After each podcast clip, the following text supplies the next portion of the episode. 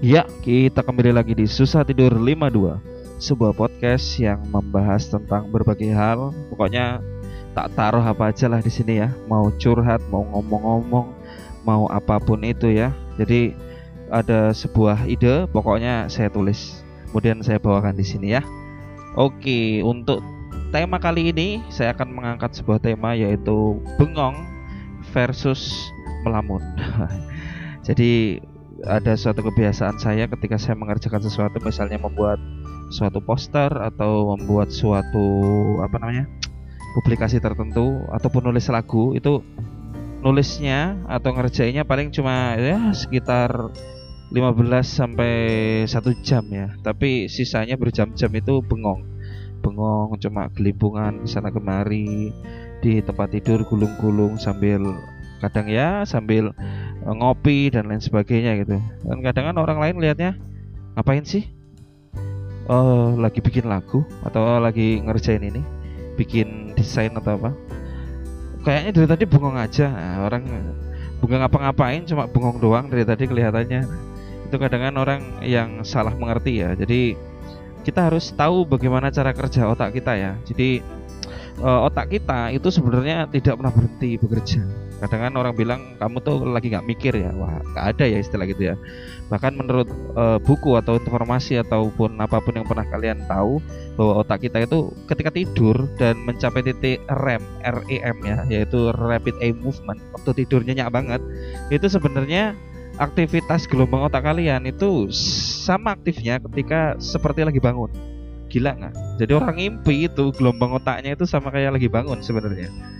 Bukan terus santai atau eh, pelan gitu enggak ya sama aja secepat waktu lagi bangun itu lagi kayak mikir gitu. Jadi kalau menurut di buku yang pernah saya baca begitu atau informasi yang pernah saya dengar begitu.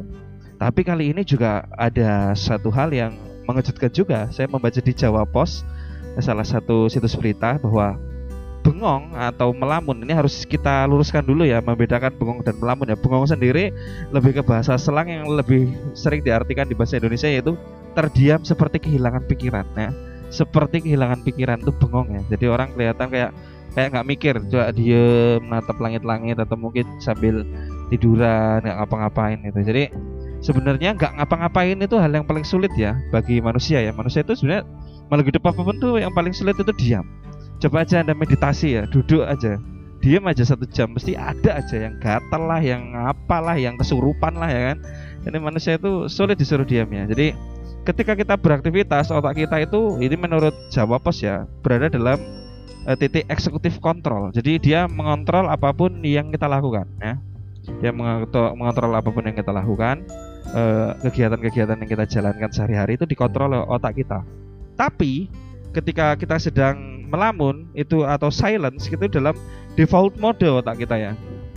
Default mode ini di di mana kita itu otak kita itu dalam kondisi default ya. Jadi itulah yang menyebabkan kenapa kita nyaman dan kuat berlama-lama termenung ya kalau yang terbiasa ya bisa bengong lama banget ya oke jadi ketika otak mengaktifkan jaringan default mode pikiran seolah berjalan secara otomatis namun, hasil pemindaian otak dalam kondisi default mode menunjukkan bahwa aktivitas otak yang berkaitan dengan fungsi kognitif menurun.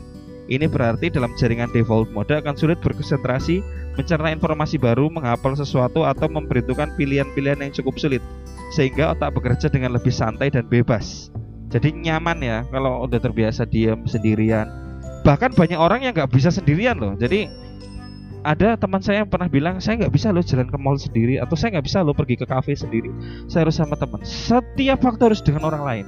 Jadi tidak bisa menarik diri dan berdiam tanpa orang lain itu nggak bisa. Apa ya? Uh, kalau saya bilang sih waktu itu ya, kamu itu ada yang ada masalah di diri kamu pasti. Karena kalau kamu selalu ingin bersama orang lain berarti kamu kan takut bertemu dengan dirimu sendiri. Ya siapa tahu itu benar ya. Jadi itu ya itu hipotesis saya aja dari buku-buku yang saya baca bahwa kadang, orang itu takut ketemu dirinya sendiri ketika dia sendiri.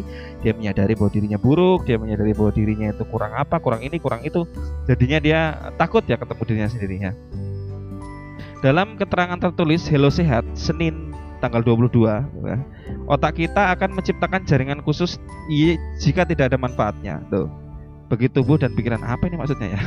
Nggak ngerti ya ini kata-kata dokter ya. Begitu juga dengan jaringan default mode yang digunakan waktu sedang asik mimpi di siang bolong. Jadi uh, kegiatan melamun atau termenung ini jangan bengong ya melamun atau termenung ini disebut mimpi di siang bolong atau bahasa Inggrisnya daydreaming ya. Daydreaming. Ternyata memiliki banyak manfaat ya kata Jawa Pos ya bukan katanya. Tapi ini memang benar ya saya ini kalau bikin lagu atau bikin desain atau apa itu nyari idenya harus diem diem ngapa-ngapain gitu. Cuma gelimbungan sana ke mana nanti ah dapat ide. Dek, dek, eksekusinya paling cuma 15 menit. Bikin desainnya paling cuma setengah jam atau satu jam tapi bingung mikirinnya itu bisa dua hari. Atau mau dari single pertama band saya tidur pagi uh, kepada jatuh hati sampai single kedua Amanda itu satu tahun jaraknya. Padahal nulis lagunya paling cuma sejam rekamannya cuma sebulan. Untuk sampai launchingnya cuma butuh waktu dua bulan. Tapi mikirnya itu orang bilang memarinasi ide ya, membuat ide menjadi lebih matang ya. Jadi yang pertama fungsi ah fungsi. Kok fungsi sih? Manfaat. Manfaat dari termenung atau um, ngelamun itu tadi adalah pertama memicu kreativitas. Ketika seseorang sedang melakukan tugas-tugas yang ringan dan tidak begitu membutuhkan konsentrasi tinggi seperti berkendara, berbincang-bincang atau membaca buku, jaringan default mode pun segera aktif naik motor, naik motor pulang kerja. Coba Anda pikirin, kalian kalau naik motor atau naik mobil pulang kerja itu apa yang mikir?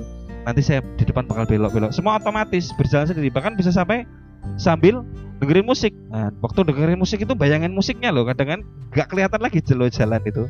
Jadi jalan kita naik motor atau naik mobil itu udah otomatisasi aja ya. Nah, seperti itu ya. Dalam kondisi ini seorang pun jadi lebih tenang dan santai. Dengan begitu seseorang jadi bisa melihat suatu masalah dengan sudut pandang yang berbeda karena tidak merasa terdesak atau tertekan. Maka kondisi ini membuat seseorang dengan mudah mencari solusi kreatif terhadap persoalan tertentu. Nah saat diem di kamar atau di mana atau di depan rumah sambil ngopi, sambil membaca buku, sambil ngeteh, tiba-tiba oh iya ya kenapa tadi nggak tak bikin begini ya? Oh iya ya kenapa tadi notnya nggak tak bikin begini ya? Nah mulai kepikiran tuh hal-hal yang seperti itu. Biasanya kayak gitu pencipta lagu ya jadi tiba-tiba, uh ada ide, lagi di WC tuh, uh dapat ide. Untung bawa HP ya, langsung direkam di situ ya. Nah, nah, nah, nah, nah, nah. dapat dapat apa namanya notasi kayak misalnya kayak lagu saya yang Dear Patricia miliknya Nostra itu dapat refnya itu di kamar mandi ya. Lagi di kamar mandi, lagi nongkrong, dapat idenya untuk untuk untuk refnya itu dari Patricia yang I love you forever and ever I miss you every day from today. Nah itu dapatnya malah di kamar mandi ya. Jadi udah dipikirin berminggu-minggu nggak dapat gimana bikin referen lagu ini? Nggak tahunya dapatnya malah di kamar mandi di WC nah seperti itu ya. Yang sering terjadi itu seperti itu. Musisi nggak tahu kalau yang lain ya.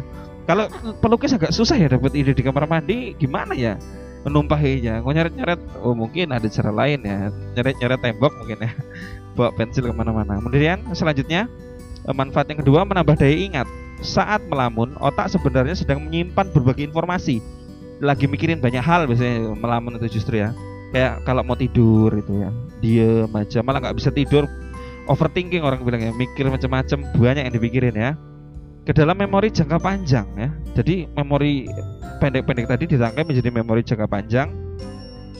Hal ini tidak bisa dilakukan oleh otak jika disibukkan dengan berbagai kegiatan seperti bekerja, belajar atau berbicara dengan orang lain. Oh, kalau kalau sedang bekerja atau melakukan hal lain itu nggak bisa kita merangkai memori panjang atau tidak bisa kita menimbang-nimbang segala sesuatu secara lebih kreatif atau dengan sudut pandang yang lain karena otak sibuk bekerja ya. Jadi berdiam diri itu sesuatu yang penting ya ternyata diam itu penting walaupun kebanyakan tiap hari kita diminta untuk bicara bicara dan bicara ya.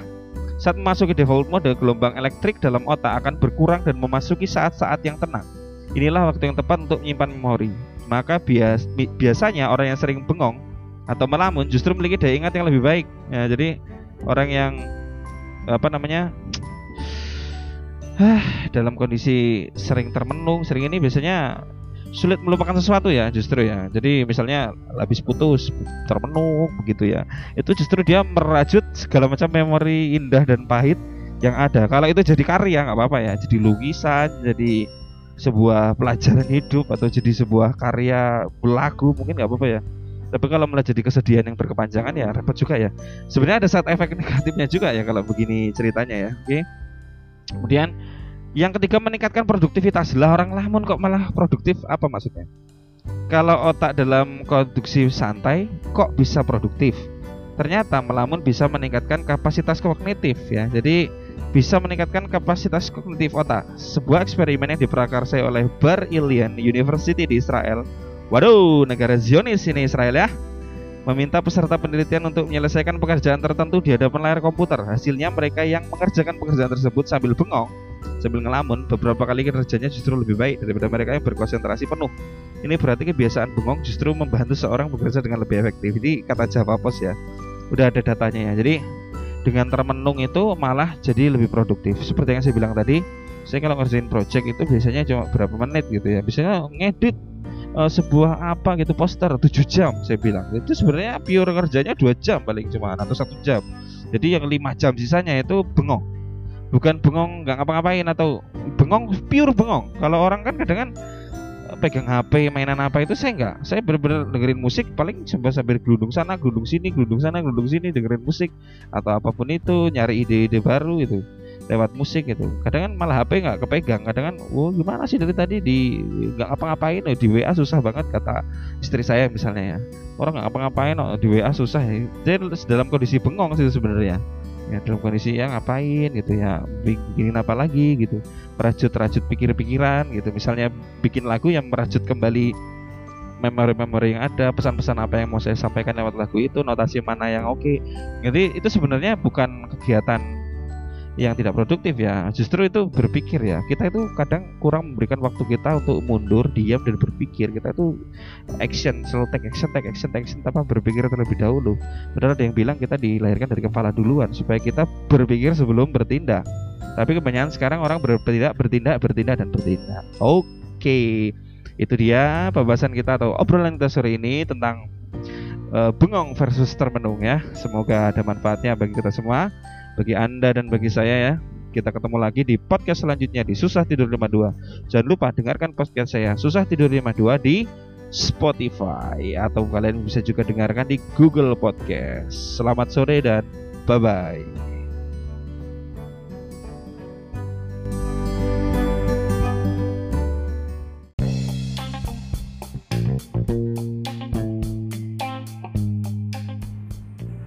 Hai, saya Wawan Dengarkan podcast saya Susah Tidur 52 di Spotify, Anchor Radio, Breaker Radio, dan Google Podcast.